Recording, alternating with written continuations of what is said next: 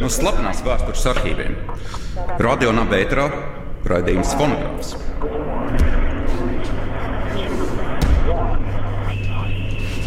No slepenās vēstures arhīviem. Radio Naba ēterā ir raidījums Fonogrāfs.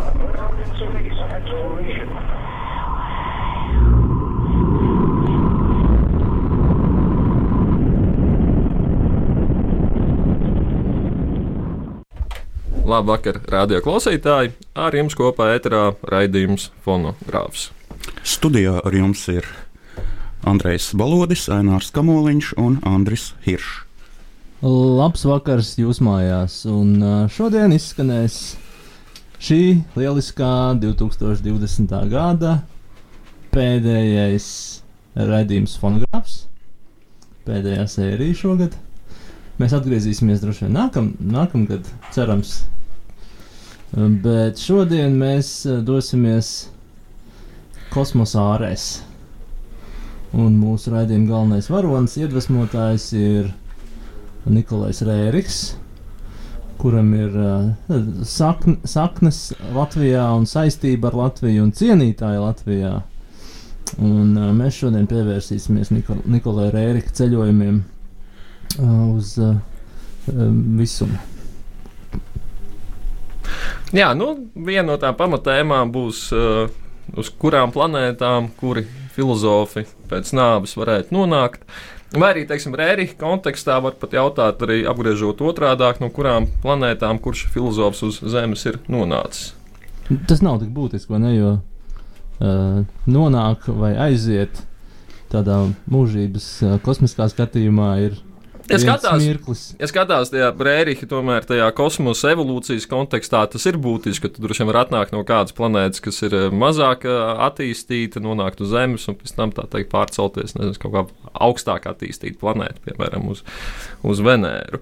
Bet eh, par to tad visu vēl sīkāk mēs parunāsim raidījuma ietvaros.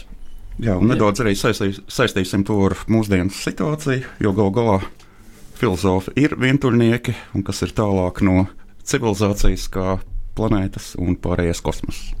Un jāatzīst arī, ka šodien tieši Latvijas uh, internetu mediju telpā ir parādījusies ziņa par to, ka uh, iespējams fi fiksēts pirmais radiosignāls no citas planētas, uh, kas acīm redzami liecina par to, ka kāds mums dod ziņu, uh, ka ir vērts šim jautājumam pieskarties.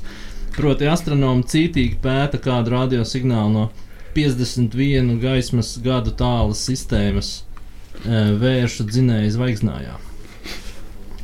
Un mēs mēģināsim saprast, no kurienes tas signāls nāk. Varbūt varam to šodien atšifrēt. Radio monetoloģija, 50. paragrāfs. Un viena radība ir pilnīgāka par otru ar to, ka tajā a priori ir atrodams tas, kas kalpo, lai piešķirtu pamatu tam, kas norit citā. Un līdz ar to ir tas, par ko saka, ka tā iedarbojas uz citu. 而一生化之物比另一生化之物更为完美，是因为我们发现其具有先天的说明在另一物内所发生的事的理由，因此人们说它影响另一物。福叶先生想要变得更完美，以使其与柏拉图在木星周围的轨道相同。 Uh, ja nu vēl kāds nav iemācījies ķīniešu valodu, kas mūsdienās tomēr ir svarīgi, ņemot vērā esošo politisko situāciju, uh, es vēlētos ātri arī pateikt, par ko bija uh, ātri iztulkot. Proti, šajā gadījumā tas bija par Mr. Fujē pārdomām par to, ka viņš gribētu iegūt lielāku perfekcijas pakāpi, lai tuvinātos Platonam, kas ir orbītā ap planēta Jupiters.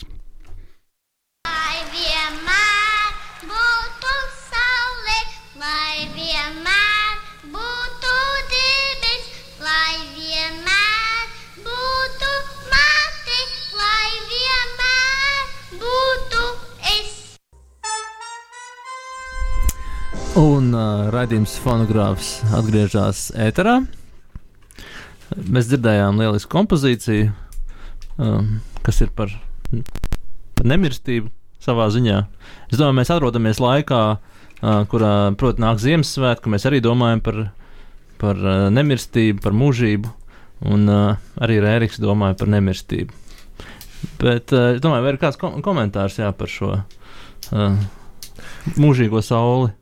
Jā, nu pat cik tā dziesma vairāk vai mazāk tomēr primāri saistās ar uh, komunisma ideoloģiju un jāatzīmē, ka arī Rēriham bija tomēr diezgan arī, nu, es teiktu tā, manuprāt, savdabīgas attiecības ar, ar, ar, ar padomju varu, jo viņš arī dzīvoja padomju varas laikā, un uh, viņš ir diezgan pozitīvi savos rakstos uh, izteicies par, par PSRS, un otrā pasaules kara laikā viņš viennozīmīgi arī nostājās sarkanās armijas pusē. Un, kā es saprotu, ir arī mākslas darbi veltīti vadonim. Leņķina kalns, man liekas, tā saucās viena no Rēriha. Um, Jā, bet reiz, Leznām, kur, kur Leņķins tiešām ir kā tāds kalns, viņš paceļās virs kaut kā tūkstneša vai Himalajiem vai kaut kā tā. jā, bet reizē es uh, lasīju viņa biogrāfijā, ka uh, viņš tā arī nedabūja.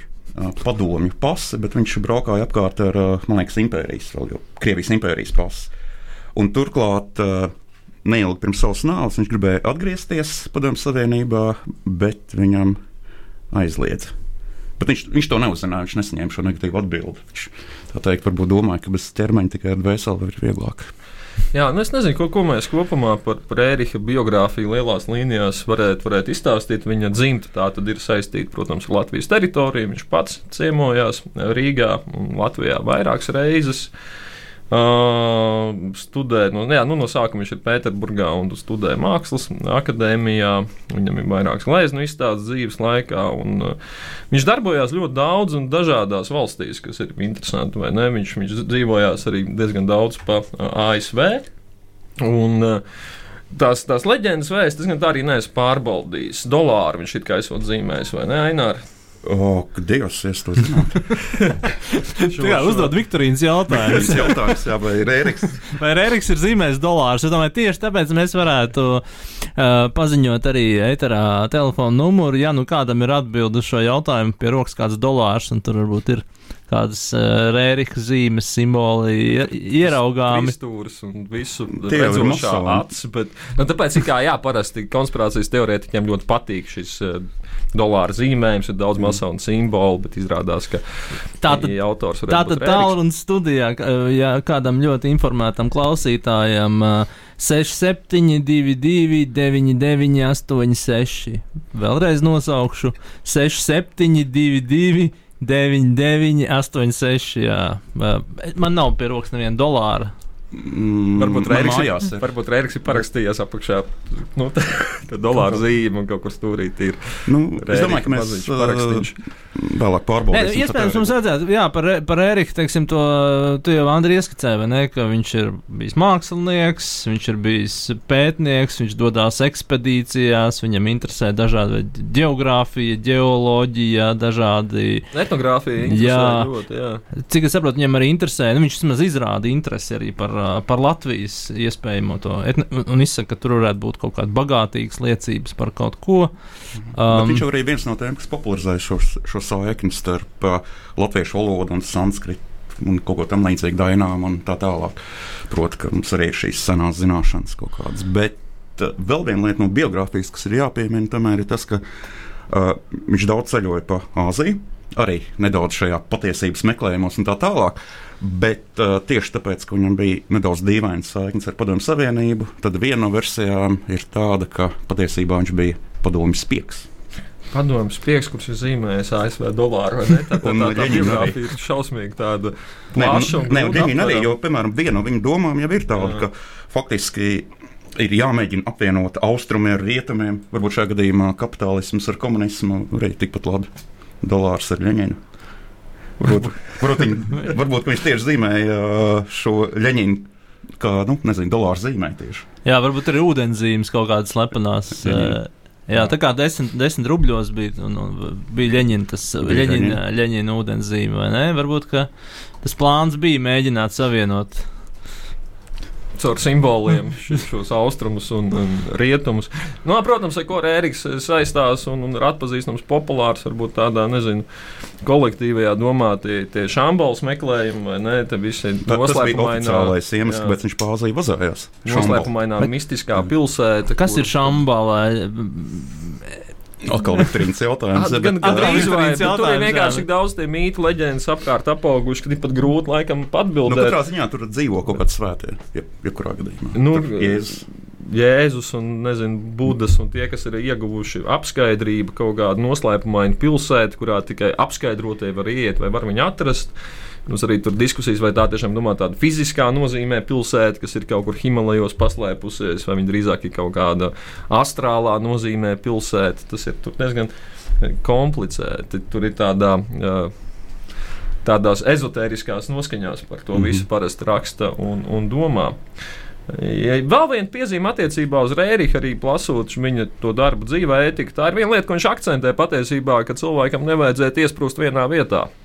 Pārāk ilgi, teiksim. Nu, viens ir skaidrs, pat cik viņš eh, sludina noteikti veidu asketiskumu. Tas, ja tu esi vienā vietā, tu ap, apaudzi kaut kādu veidu privātu īpašnieciskumu, kas tagad tev var negatīvi ietekmēt garīgā nozīmē, bet um, ne tikai tas, Rēriks skatījumā arī kaut kāds sociālais status vai amats uh, un tā tālāk. Tas viss tev Ja tu pārāk ilgi esi tajā vietā, tajā amatā vai sociālajā statusā, ar laiku tas tev traucē. Tas ir Ērika aicinājums. Viņš saka, ka īstenībā tāpēc arī visādas depresijas un, un dzīves apnikums tas ir tas ļaunākais, kas ar cilvēku notiek, jo ir tāda stagnācija. Tāpēc laikam jābūt šajā kustībā. Tāpēc arī Ērikam ļoti daudz šīs ekspedīcijas, pārvietošanās, projekti. Uh, Nemitīga kustība pa dažādām valstīm. Tev bija kaut kas tāds, Jā, ne, ir skaidrs, ka šis vēstījums ā, šajās dienās varbūt to nevajag tā īpaši. Bet nav, nav, re, nav grūti realizējams, vai ne? Ir pārvietoties tā kā daudz kur, bet Jā, bet uh, ko es gribēju piebilst, tas, ka viņš šo attiecina ne tikai uz cilvēku, bet arī uz lietām. Proti, uh, 20. gados, kad viņš nodarbojās uh, tajā laikā ar ļoti populāro garu izsaukšanu, proti, dancināja galdiņus, mēģināja sarunāties ar Platonu, Geitu un tam līdzīgiem, tad uh, viņš uzrakstīja automātiskajā rakstībā. Proti, to, ko darīja gan dadaisti, gan seriālisti, gan arī spiritisti.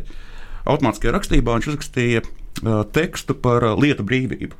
Proti, tajā nozīmē, ka mums ir jāatbrīvo ne tikai šie cilvēki, proti, šajā kustībā, bet arī lietas. Un primāri viņš to domāja īstenībā pat mākslas darbus, ka tiem arī nav jāatrod šajos muzejos, bet pastāvīgi ir jā, teikt, jābrauc apkārt pa pasauli un tiešām pat ārpus institūcijām un tam līdzīgi. Ah. Un kas ir interesanti, Jā. ka uh, paša Rēriha praksa ir nedaudz pretēji tam. Proti, ka viņš, uh, piemēram, uzdāvināja uh, savu. Nevis viņš vai viņa dēls uzdāvināja darbus uh, Pēterburgas muzejiem ar nosacījumu, ka tie būs pastāvīgajā izstādē. Un tas pats arī, man liekas, ir. uh, Un Latvijā arī atrodas Rēriha glāzes, arī pastāvīgajā izstādē. Un kas ir uh, pilnīgi pretēji paša šī Rēriha uzstādījumam, lūdzu, ceļojiet, pat lieciet vienalga, kur. Un tieši šādi šīs lietas iegūst savu brīvību, mākslā iegūst savu brīvību un tā tālāk. Jā, es to pašu jā, tieši iedomājos, ka Latvijā tas arī ir vairākas vai ne Rēriha gleznas ieraugāmas. un Es vienkārši jāpiebilst arī, vai ne, ka mums ir Brēriha biedrība un ir Brēriha grāmatnīca. Un, Iela Rērija iela, jā, kur, kur ir jā. Rērija iela? Pie Antonijas muzeja. Ne, nepārāk tālu no klusā centra, klusajā centrā, faktiski nepārāk tālu. A, tu nezini, kaut kāds iemesls, kāpēc tieši šī iela viņš tur ir dzīvojis kādu laiku? Vai, Es godīgi sakot, nezinu. Man liekas, ka varbūt tā bija iela ar, Ar sliktu nosaukumu. ar sliktu nosaukumu, jā, kaut kāda arī vienkārši bez nosaukuma iela. Jo cilvēki domā, ka tā ir ļoti īsa maziņa ieliņa. 63. līnija, diez vai, protams, Rīgas centrā, bet, uh, nu jā, manuprāt, 90. gadi bija laiks, tas bija Rēriha mantojuma ziedu laiks, kad tiešām ļoti daudz pievērsās Rēriha mantojumam, lasīja viņa grāmatas, veidoja dažādus seminārus. Viesojās dažādi vieslektori šeit, gāja reklāmas sabiedriskajos mēdījos par to, ka Rēriha mācība ir īstā mācība, kas mums palīdzēs šajā grūtajā laikā. bet, bet tas mājās Jā, meklē kopumā garīgums, laikam- jaunais garīgums kaut Bet tas kāds, kopumā jā. laikam iezīmē, ne, ka sabruka padomju savienība tieši 90. sākums ir, man liekas, periods, kad tik tiešām ļoti masveidīgi sākās visādas garīgās kustības, īpaši tās, kas ir ietekmējušās no austrumiem, vai ne? Uh, un, un ne tikai uh, Visarjons, piemēram, Saules pilsēta, man liekas, arī 90. Jā, jā. gados aizsākās. vai ne? Tad Tas, Padomju milicis. Jā, man arī mulsināja, ne, nu, ne mulsina lasot, eh, lasot, lasot gan Rēriku, gan par Rēriku. Protams, šie termini, ko viņš izmanto, es eh, uzreiz nespēju tos uztvert. Tu jau, Andrija, minēji viņa grāmatu dzīvā ētika. Iespējams, eh, mums vajadzētu saprast, ko tas nozīmē. Kāpēc dzīvā ētika? Arī grū, grūts jautājums. Nu, lasot šo darbu, tu arī minēji, ka grūti bija saprast, kāpēc šis akcents var droši vien intuitīvi kaut kādā nojaust. Es nezinu, tāda ētika, kas, kas nav balstīta, nu, kas nav tāda normatīvā, bet kas balstās nezinu, tur kā aktīvā darbībā, pārmaiņās. Nezinu, grūti saprast. Vai kas nāk no vienības ar visumu? À, varbūt arī jā. Atšķirībā no tiem mirušajiem institūcijās, kas vienkārši spriež nezinu, tur bioetiskas problēmas no institūciju tā teikt, perspektīvas. Un, bet, kad es vienojos ar visu visumu, tad tev ir kaut kā caur principiem, tur redz, kā vajag rīkoties. Īstajiem principiem. es domāju. Jā, un nu, tā, un tā terminoloģija kopumā tajos Rēriha darbos, un ne, tur nu, kaut kādas veidojās as asociācijas, iespējams, ne, kaut kāda manihisma vai kaut ko tamlīdzīga. Tur vienkārši nu, tur redz, ka ir kaut kas paņemts no seno grieķu filozofijas, tur vārds logos ir viens no centrālajiem, un re- reizē tur ir kaut kas no mitoloģijas, un tad ir no budisma, no kri- kristietības, tā ļoti daudz dažādu elementu savīt kopā. Tad, ā, nu, iespējams, ka sintēzē es neesmu tik ļoti iedziļinājies, vai tur nav kaut kādas iekšējās pretrunas, bet Nu, labi, jā. Bet vēl, vēl, vēl viens termins, kas parādās. Ja, ja Rēriņa mācība mēģina kaut kur ievietot, tad parādās šis teosofijas vai teozofijas termins, um, kas, es saprotu, ir pastāvējis pirms jau Rēriņa. Principā kā 19. gadsimta uh, virziens, jautājums, ko nozīmē teosofija. Nu, Die, di, ne- Dievzinība. Dievzinība. Jā. Tagad visi rada jauns vārds - dievs, dievzinis. Jā. Jā. Nu, jā, bet uh, jā, nu skaidrs, ka tas jau bija jau no 19. gadsimta, bet uh, arī pirms tam. Jo katrā laikā ir bijis savs mistiķis, uh, kas zināja pareizi, arī nezinu, jaunlaikos, viduslaikos un tā tālāk. Ir arī antropozofija, kas arī ir radniecīga šim visam. Cilvēks zinis. Cilvēks zina, dievzins un cilvēks zina. Tā kā varētu būt. uh, Un antropoloģija tas ir tā, teikt, tā, ir tā mirusī cilvēka zinība. Un, Mācība par mirušo cilvēku un uh, nevis dzīvo, dzīvo ētisko cilvēku.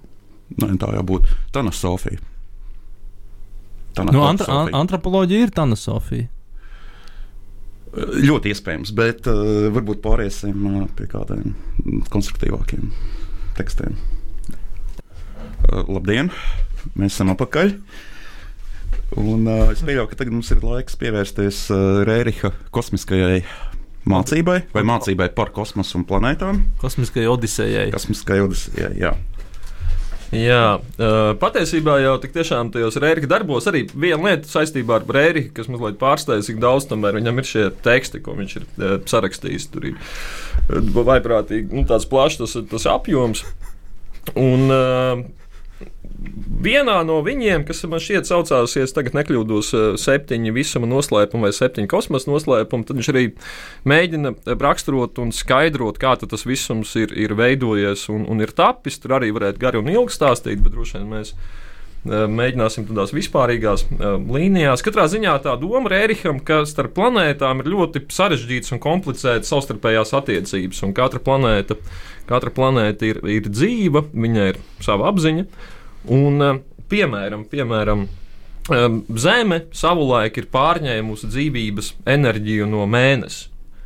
Un tāpēc mēnesis tagad ir eh, šķietami nedzīvs, un mēnesis ir dusmīgs uz Zemi par to, ko viņa ir viņam nodarījusi, un mēnesis sūtot ļaunu apstarojumu uz zemeslodi.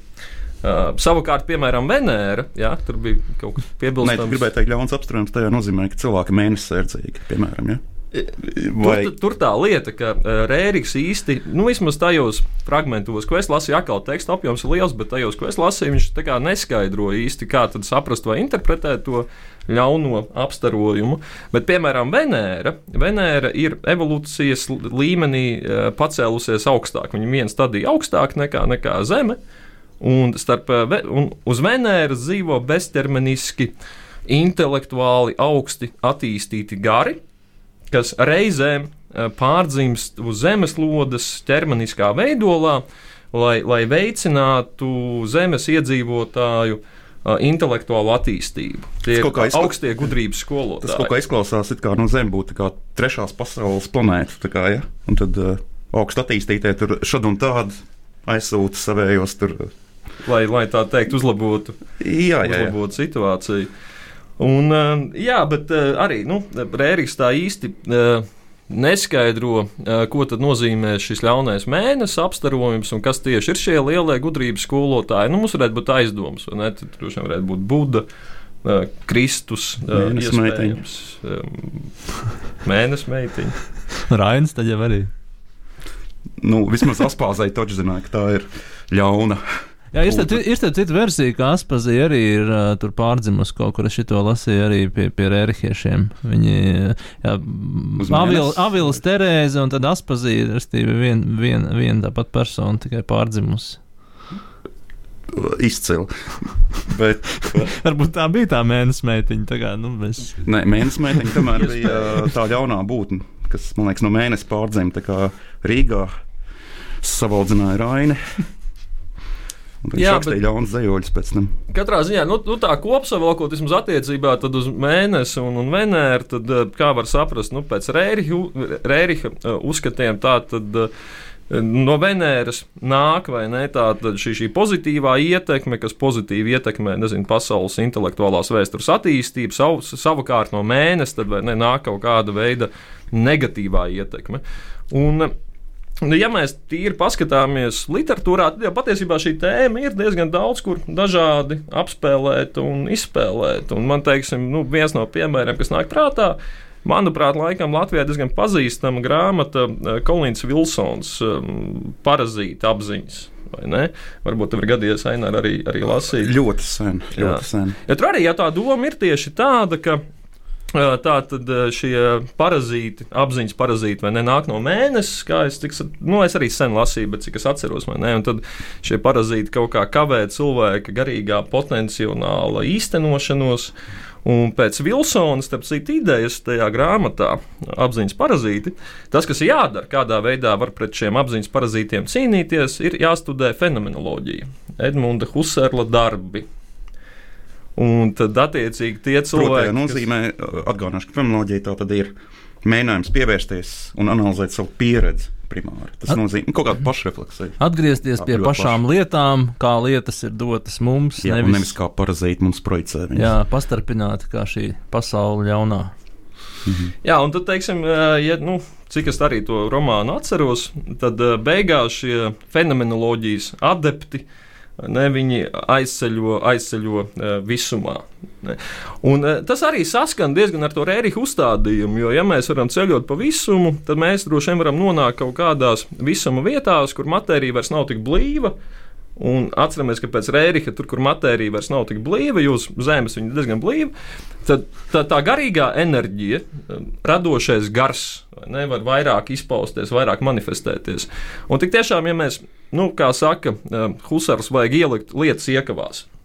Ne, bet eh, šo lietu i- ielikšana iekavās tādā gadījumā vairs nav tīri kā šī tikai kā šī metode, bet aizejot šajā kosmosā, kur šī matērija paliek blāvāka, mēs arī tādā ontoloģiskā līmenī ieliekam matēriju iekavās. Mhm. Līdz ar to mēs varētu domāt, ka uh, fenomenoloģiski orientētie domātāji ne, kosmosā, tad viņi dotos, nezinu, tad, nu, pēc Rēriha laikam uz Venēru, iespējams, ne, kur tad ir šīs augstāk attīstītās intelektuālās Jā, būtnes. bet- bet, bet, bet tas ir tiešām atkarīgs no tās pozīcijas, ko mēs pieņemam, nu, proti, filozofijā. ne? Mēs, teiksim, esam nezinu, Kanta sekotāji, droši vien tad mēs varētu teikt, ka Kants Kanta gars ir nācis nezinu, no Venēras, savukārt postmodernisms varbūt plūst no mēnesis. Vai, Bet tad jau Jā. materiālisti arī dodas uz mēnesi. Jā, un- tādā tādā, nu, tādā Jā. interpretācijā šī gadījumā materiālistiem vajadzētu doties uz mēnesi. Un, uh, Nē, kas ir loģiski, ka nu, tā kā viņa matērija, ne, viņa dvēseles pilns ar matēriju, viņa nevar tālu aizšauties. Tad mēnesis ir tuvākais, kur viņi var nokļūt vispār.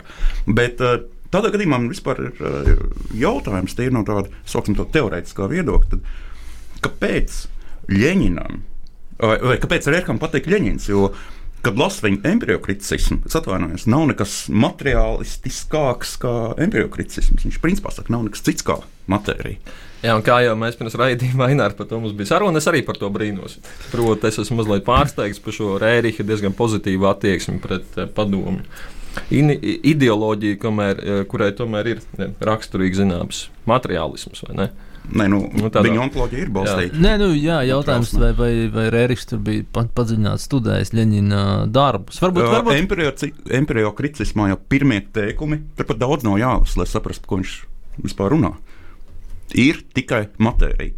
Apziņa tikai atspoguļo precīzi to, kas ir mums apkārt. Nav nekas pa vidu, nav nekādas uh, fenomenoloģijas, nav nekāda tur, uh, uh, Nu, nezinu, tur pagaidām. taktiskās šaubas. pagaidām, bet kaut kāda apziņa tomēr ir. Apziņa ir materiāla. Viss. Tur vispār nav diskusijas. Apziņa ir matērija. Tas, ka mums Nu, vienkārši ir valoda vai ap- apjukums kaut kā rada šo, o, tas cits jautājums pavisam. Tāpēc arī Ļeņins rakstīja embriokriticismu pret pat kļūdām pašā materiālistu uh, nometnē. Kā piemēram Bogdanovs, kas domāja, ka mēs uztveram realitāti, bet caur zināmā veida hieroglifiem, protams, kurus mūsu apziņa it kā dešifrē. Ļeņins teica, pat tā nav. Mēs vienkārši burtiski atspoguļojam realitāti. Jā, nu mēs varētu teiksim, domāt, nu, kā jau arī Andrejs minēja, varbūt um, Rēriks netik daudz atbalstīja uh, padomu laika šo filozofisko uzstādījumu, bet tīri nu, tu, sociāli politisko. Rēriks jau arī visu laiku runāja par to, ka jābūt šai vienotībai, ne, cilvēks vienotībai un vienotu tiekšanās, tā teikt, uz kaut kādu augstāku mērķi, lai vienmēr būtu saule vai ne kā jau Jā, man liekas, tas- skanēja dziesmā. Tas, tas, tas, tas komunismu gars, varbūt, vai sociālismu gars vairāk viņu uzrunāja. Es neviļus atcerējos runājot par to mēnesi. Mums taču bija raidījums par Noso kungu, kurš arī runāja par mēnesi, un kur arī tā sliktā civilizācija, vai ne? Kapitālisms. Jā. Uz mēnesi ir Ai, Tas ļoti Atšķirībā no Saules pilsētas. Bet tas ļoti saskars- komunisms. Saules pil- jā. Saules pilsēta, komunisms un mēnesis ir kapitālisms. Saskatīt, jo, jo mēnesis vai ne, kas ir tāds, nu, kur ir tāda gan izvēle mirusī matērija, kā raksta Rēriks, vai ne, tad arī tā ir vieta, kur varētu piedzimt un attīstīties kapitālisms. Jā, starp miršiem cilvēkiem tā teikt. Nu, lūk. Tad eh, kāds no tā mums būtu jāizdara secinājums? Jā, Par to, meklē- ka Rēriks, lai arī viņš varbūt neatbalstīja materiālismu, tajā radošajā nozīmē, viņš varētu domāt, ka sociāli politiskajā tas varētu būt tuvu, jo visi iet uz šo, tam citu kampanēlu arī rakstīju Saules pilsētu. Šo sauli, šo garīgumu. Viņš varbūt cerēja, ka materiālisms ir tikai līdzeklis uh, augstākam mērķim, kurā mēs nokļūsim sabiedrība, kas, sabiedrībā, kas ir nemateriāla. Starp citu, jo naudai ir jāpazūd. Šajā ziņā matērija pazūd. Jā, un principā arī nu, tajā Rēriha uh, skatījumā, kā, kā savulaik uh, Zeme, kā, kā, kā planēta ir pārņēmusi šo dzīvības enerģiju no mēneša.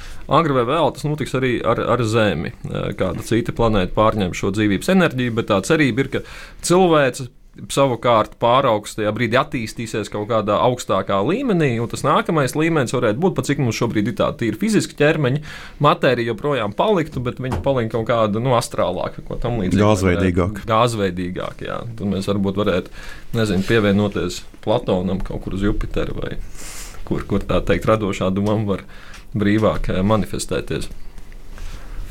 Jā, es domāju, tad uh, pēc muzikālas pauzes parunāsim par uh, filozofiem uz dažādām planētām, vieglākām un smagākām. Labāk ar uh, fonogrāfs atgriežas ēterā. Ja nu gadījumā kāds šajā visuma vientulībā vēlās ar mums sazināties, tad telefona numurs studijā ir 6722 99 86. Jā, un es, es gribēju ātri pieminēt, ka Rēriks jau nav vienīgais, kas uh, runā par planētām kā par dzīvām būtnēm. Galu galā tā ir ļoti sena teorija. Uh, viens no tādiem izcilākajiem domātājiem, droši vien viņš tagad arī ir gāzveidīgā kaut kādā stāvoklī, kaut kur Aristotelis. Tomēr uzskatīja, ka zvaigznes arī ir dzīves, proti, ir ķermeņi, dzīvi ķermeņi bez orgāniem. Jā, labi, tā jau ir grieķu un romiešu mitoloģija pa lielam. Nu, tie ir Jā. dievi, nu, planētas kā dievi. Jā, jā, jā. Nu? Nu? Bet, uh, bet viņš tur īpaši uzsver kaut kādas nu. nu? orgāniem, tā kā tur uh, ceļo apkārt un tam līdzīgi. Jā, viņas turklāt ir arī nemateriāls. Nu, virs, virs mēnesis. Jā, jā, jā. Nu, planētas viņas jā. ir. uh, Virs mēnesis ir nemateriāls. Tās, kas ir tā kā mēnesis sfērā, tās ir sastāv no četriem elementiem, bet tas uh, pārējās planētas ir uh, eteriskas, varētu teikt. Nē, viņas ir ēterā, bet viņas nav ēteriskas. Jā, Ēteri jau tomēr ir uh, arī tāda ļoti, ļoti smalka matērija. Starp. Jā, bet viņa, viņām nav šie četri elementi, ne, kas Jā, veido. ir, ir, ir, ir. Tad tajā nozīmē, ka tātad ir četri elementi, un tie, kas ir.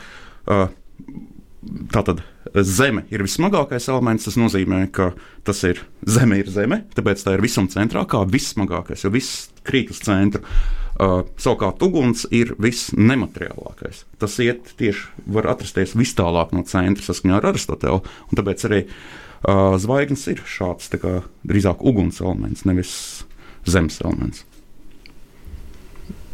Nu, tas mums ir uh, jāpakonsultējas ar Aristoteļa metafiziku vēl. Un uh, par debesīm un dažiem citiem darbiem. Meteoroloģija jālasa daudz. Jā, bet um, jebkurā gadījumā šī ideja, vai ne, ar tevi taisnība, planētas ir dzīves būtnes, vai dievi, vai uh, jebkas. Uh, līdz ar to. Rēriks tikai runā par senām gudrībām, tā teikt. Bet, bet mēs, diemžēl, šodien, div- 21. gadsimtā, esam aizmirsuši šīs gudrības un uzskatām, ka planētas zvaigznes ir. Uh, Jā, un citu, Prēriks arī tā arī parasti tajos tekstos raksta, ka kā leģendas vēsta vai, vai, vai kā senām tautām vienmēr jau ir bijis zināms, un tad seko vai ne šis kaut kāds uzstādījums. Nu, tā parasti ir, ka viedumu asociē ar uh, vecumu. tā teikt. Bet uh, šajā gadījumā tad ir, uh, godīgi sakot, arī teorētisks jautājums. Kad raidījuma sākumā tika nolasītas ziņas par radiosignāliem no ci- citām planētām, citas planētas, uh, tad ir jautājums, vai šīs ziņas sūta pati planēta vai arī būtnes uz planētas saskaņā ar šo Vai teoriju. ziņas neviens nesūta, vienkārši tiek uztverts uh, kaut kāda vibrācija, Nu, gaismas signāls, nu, jā, jā. vai kaut kas tāds uh, skaņas signāls. Uh, Nē, bet uh, šajā teorijā, kas, kas sūta ziņas? Neeteriskās būtnes uz Nu, fonogrāfa teorijā ziņas sūta Lopātina kungs, bet arī viens no mūsu personāžiem, kam mēs esam pieskārušies. Un, ja es pareizi atceros, Lopātina kungs arī eh, gribēja atbrīvoties no sava materiālā ķermeņa, tāpēc viņš devās ceļot ātrāk. Jā, bet kas sūta šīs ziņas? Iespējams, tie ir vēl arī citi filozofi, kas atrodas saskaņā ar Ēriku uzskatiem kaut kur planetārā uh, sfērā.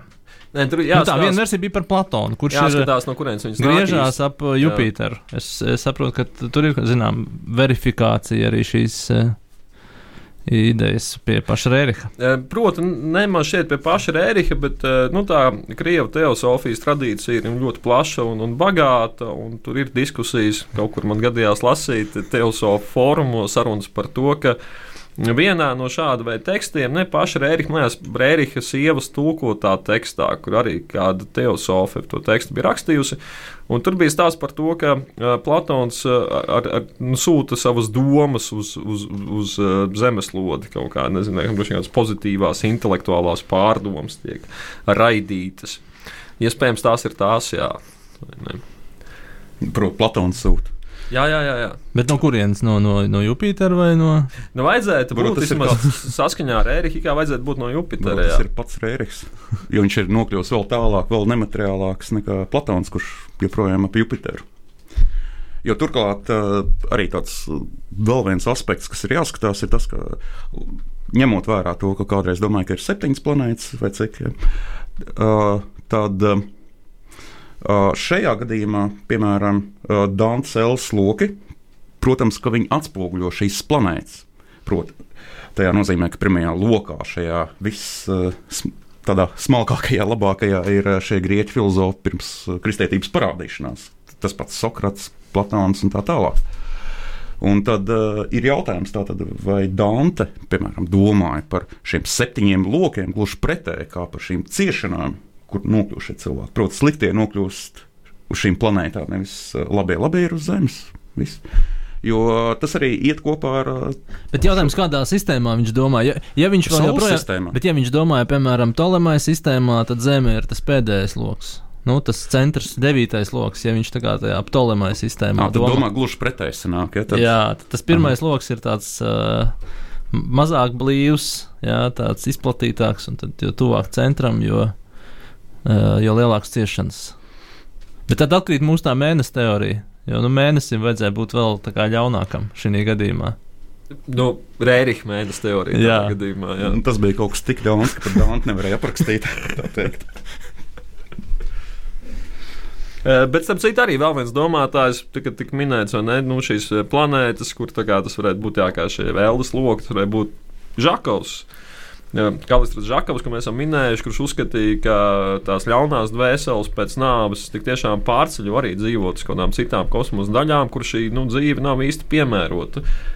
Kur tā eksistence ir smaga un nezinu, komplicēta. melniem caurumiem Jā, uz melniem caurumiem vai uz Marsa. Vai tur, kur nav skābekļa. Nu, tur Žakaus nepārāk detalizēti aprakstīja, kā viņš to visu iedomājās. Bet viņš iedomājās arī, jā, ka šī dzīve uz citām planētām ir kā ciešanas. Ir kā ciešanas.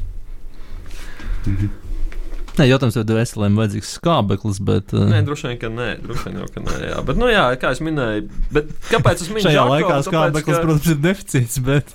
Žakaus iznāk gan arī vai laika biedrs. Nu, viņš ir mazliet agrāk Rīgā, nu, kaut kāds gadu desmit agrāk nekā, nekā Rēriks. Bet tad, eh, kaut kur jau tās pārdomas viņiem ir savstarpēji līdzīgas, zināms, krustpunktus mēs droši vien varam, varam ieraudzīt. Nē, nu labi, kolēģis, bet tad jautājums, uz kurām planētām mēs nokļūsim? Es neskatos tālāk par mēnesi pagaidām. Nu, nav pārāk optimistiski. Dzīve tāda, es atvainojos. Jā, jo bija versija jautājums, vai latviešu filozofi, piemēram, man interesē, kur uh, Košķi ir Konstantīns Raudīvs nokļuvis vai mēģinājis nokļūt. Es domāju, Teiksim- kaut kur ap. Jo viņš ir tomēr bijis diezgan tāds spirituālistiski orientēts domātājs. Jā, bet uh, pats Kosti domāja, ka tomēr šīs dvēseles ir audio viļņos. Līdz ar to varbūt viņš domā, ka viņš ir uh, pats signāls starp planētām. Viņš ir starpplanētu iemītnieks, nevis orbītā kā Platons ap Jupiteru. Nu jā, Raudīvs gribēja būt tas brīvais gars, kurš Nu, viņš arī no, bija. Viņš... no vienas planētas uz otru. tā kā Jā, jā, dodās. nu, nu, līdzīgi kā viņa dzīvē, viņš uh, labi dejoja un bija starp sievietēm. Nu, tad līdzīgi viņš domāja, viņš ir starp planētām. Ja Labi, bet Mauriņas planēta, tad uz kur pla planētu viņš dažreiz viesojās pie Mauriņas? Es domāju, tā ir kaut kāda starpzvaigzne, nevis stāvzvaigzne. Tā varētu būt. Jo, nu, viņi pārāk daudz, man liekas, Kaut nepastāv. kādā galaktikā, ja tur uh, Jā, jā, jā. rīt, nē, rīt, nē, rīt zvaigzne, nē, polāra zvaigzne. Viņi varētu būt, jā, polāra zvaigzne. Kas rāda visiem ceļu. Tas nopietns tituls būtu par polāru zvaigzni. Nu, cienījams, cienījams. Jo, nu, kur tam vēl ir šie kandidāti polāra zvaigznē? Rains ir saule. Rains ir saule, jā, nē, tas acīm redzam, protams, ka tu to pateici, bet uh,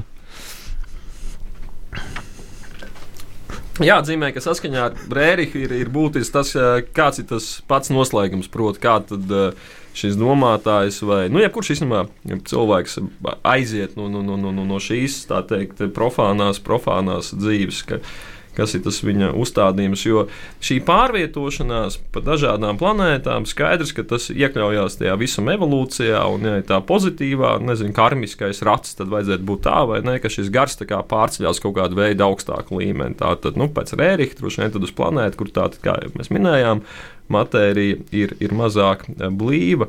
Eh, Un eh, tā doma ir tāda, ka tad aizejot, nevajag atskatīties. Un, kā raksta Rēriks, labākie ceļa vārdi tam, kas atstāja zemi. Ir steidzies, neatskatīdamies. Ne, tā doma, ka tad, tad, ne, šeit piesaistīs nekādā veidā, ko mēs minējām arī sākumā attiecībā uz to Rēriku, to dzīves stilu, laiku pārvietoties, lai nav kaut kāda nu, šie privāti īpašumi vai visādi sociālai statusi, kas, kas traucē to garīgo dinamiku. Un tad atvadīšanās, vai ne, ka tu neesi piesaistīts, un tu tā teikt, nu, priecīgi pārcelies kaut kādu, nezinu, augstāku esamības līmeni. Pārcelies, nu, jā, nu, teiksim, piemēram, uz Venēru vai Jupiteru. Mhm. Bet ko viņš domā par komētām, kas atgriežas? Jo viņš jau pēc idejas pats arī gribēja atgriezties no Padomu Savienībā un tā tālāk. Tā nu gluži nebija, ka viņš tikai ceļoja. Jā, nu, jā, bet viņš jau tādā nu, jau tāda pārvietošanās, viņš tur bija bijis, nu, viņš jau gribēja atgriezties, viņš uz kaut kādu brīdi, tad atkal viņš braukt atkal projām. Tāds, tāds, uh. Riņķojums. Jā, riņķojums. Riņķojums, orbīta. Dzīves orbīta.